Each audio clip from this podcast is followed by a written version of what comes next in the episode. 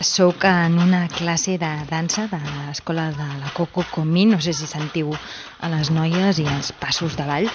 El cas és que he quedat amb ella al seu despatx per analitzar des de l'expertesa aquesta pel·lícula de cine independent i molt minoritari que és La La Land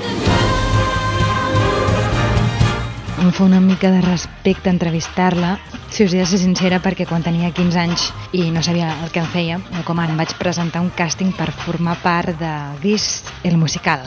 I res, crec que ella feia de jurat. O sigui que espero que no em reconegui.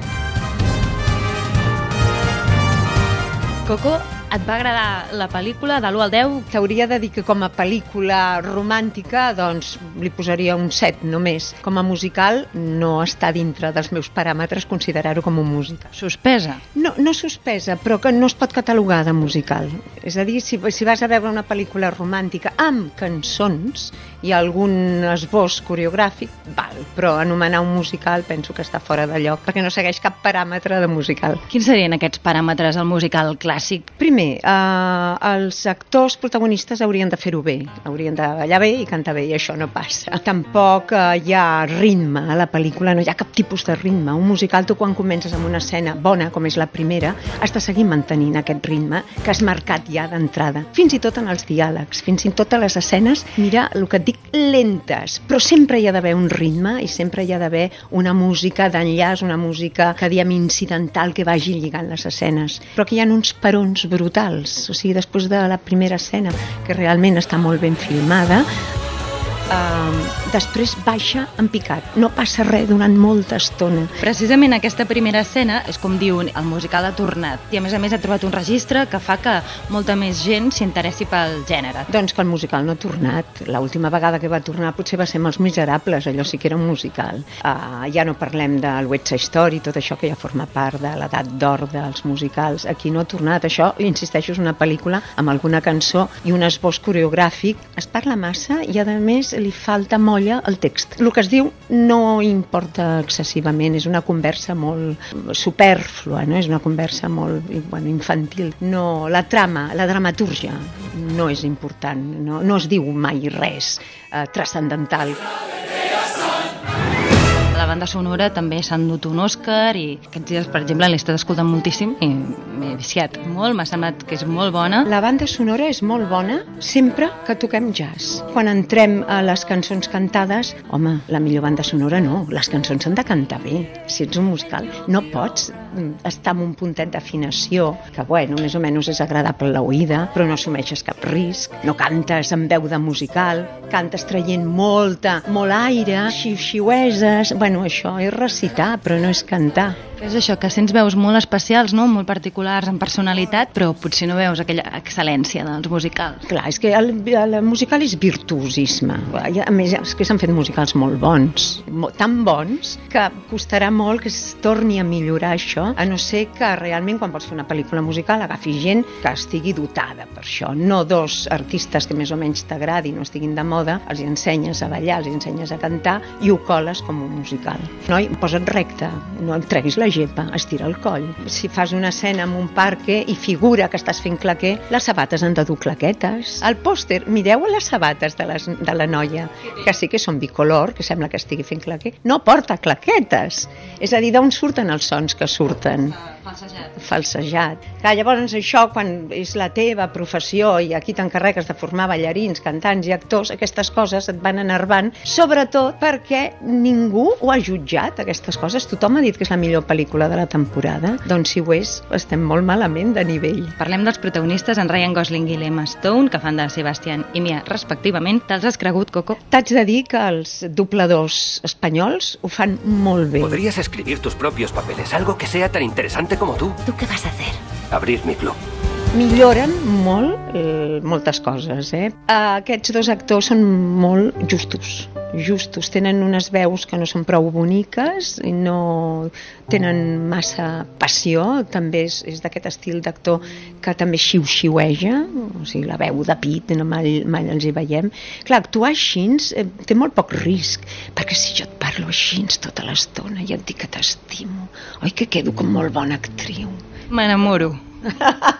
però no és això la vida. Tu crides i parles eh, perquè et senti el que està a l'altra banda de la taula. I... Coco, tu qui hauries posat d'actor? S'ha t'acut algú? T'ha vingut algú al cap? Home, hagués agafat actors de musicals, segur, hagués anat a Broadway a fer una batuda. Però això està passant molt últimament, eh? Està passant que s'agafen actors que no ho fan bé. El cinema té l'avantatge de que pots posar el cap d'un i el peu d'un altre, llavors no saps, pots trucar, però és que en aquesta pel·lícula no ho han fet. O sigui, els han deixat sols davant el perill. I clar que són gent que no té swing, no, no balla movent-se. Mou peus, mou mans, però no ho sent des del de, tòrax que s'han de sentir quan un, quan un balla. Uh, es veu uh, que tot està excessivament après, com una classe après, però que no surt de l'ànima. Uh, els petons no són de veritat. A waste of a lovely night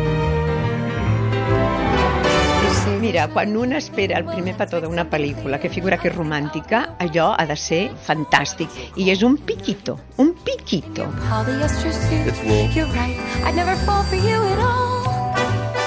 Bueno, perquè és una pel·lícula feta per agradar a tothom i dintre d'aquesta lliga sí que funciona.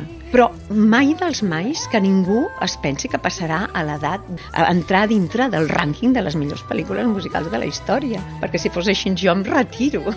se n'han de fer de més bones, segur. Que realment després, els que ens dediquem a això, podem agafar aquells números i ensenyar-los als nostres estudiants. I d'aquesta pel·lícula no podem, treure, no podem treure cap conclusió artística. Tampoc és que sigui una crítica a la pel·lícula, eh? perquè penso que la pel·lícula compleix una funció social i d'entreteniment de, i, i de romanticisme. I a nosaltres, tots els que estem aquí, tota la professió, el que ens enerva és pensar que puguin considerar que això està ben fet tota que la part artística està ben feta, no ho està. Hi ha algun moment bo, per exemple, quan ella fracassa en l'obra de teatre que fa, i això és real, això sí que passa, no?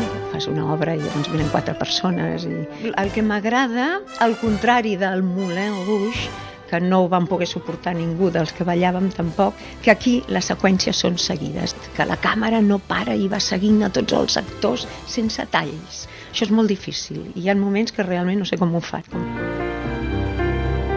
Here's to the ones who dream.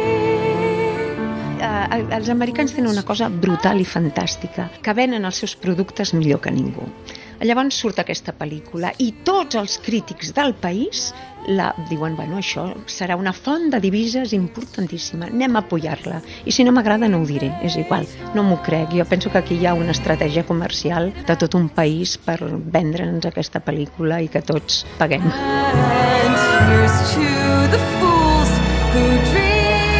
altre tema que, que tracta la pel·lícula és el tema de l'èxit professional. No? Tant ella com ell, els protagonistes, persegueixen el seu somni i un moment que han de triar entre carrera professional o vida sentimental, pràcticament. Això és un tòpic, perquè no és veritat que hagis d'escollir. Això també és una dramaturgia portada per un camí extrem. Pots fer les dues coses molt tranquil·lament, pots tenir una família, una vida amb fills i, i després pots tenir una carrera professional paral·lela i es pot compaginar les dues coses per molt que hagis de viatjar. Escolta, la Montserrat Cavaller, més que viatja un, un cantant d'òpera, no viatja ningú i tothom té les seves famílies, les seves cases la seva carrera. I no s'ha de renunciar a res, perquè llavors ets un infeliç. She said demano que no diguin que ballen i canten bé, almenys, que no paro de sentir. Com, com, perdoni, que ballen bé, però que no veu que aquesta noia quan camina va, va tropeçant, fa una cama recta i l'altra se li va plegant, per exemple. Això ni amb molta preparació es millora, haurien de ser professionals del ram, diguéssim. És que ballar no s'improvisa, eh? no, no. Són 10 anys com a mínim d'estudis i cantar també. És un musical? Doncs no. Si jo parlo d'aquesta manera tan que pot semblar dura, és perquè aquí, a Barcelona, hi ha el que queda més alt nivell d'Europa. Per això ens enervem tant quan ens volen colar gato por liebre. Molt bé, Coco, doncs moltes gràcies per rebre'ns avui a la teva escola i que vagi molt bé. Gràcies i per escoltar-me. Eh? Els experts, amb Roger Saró i Albert Miralles.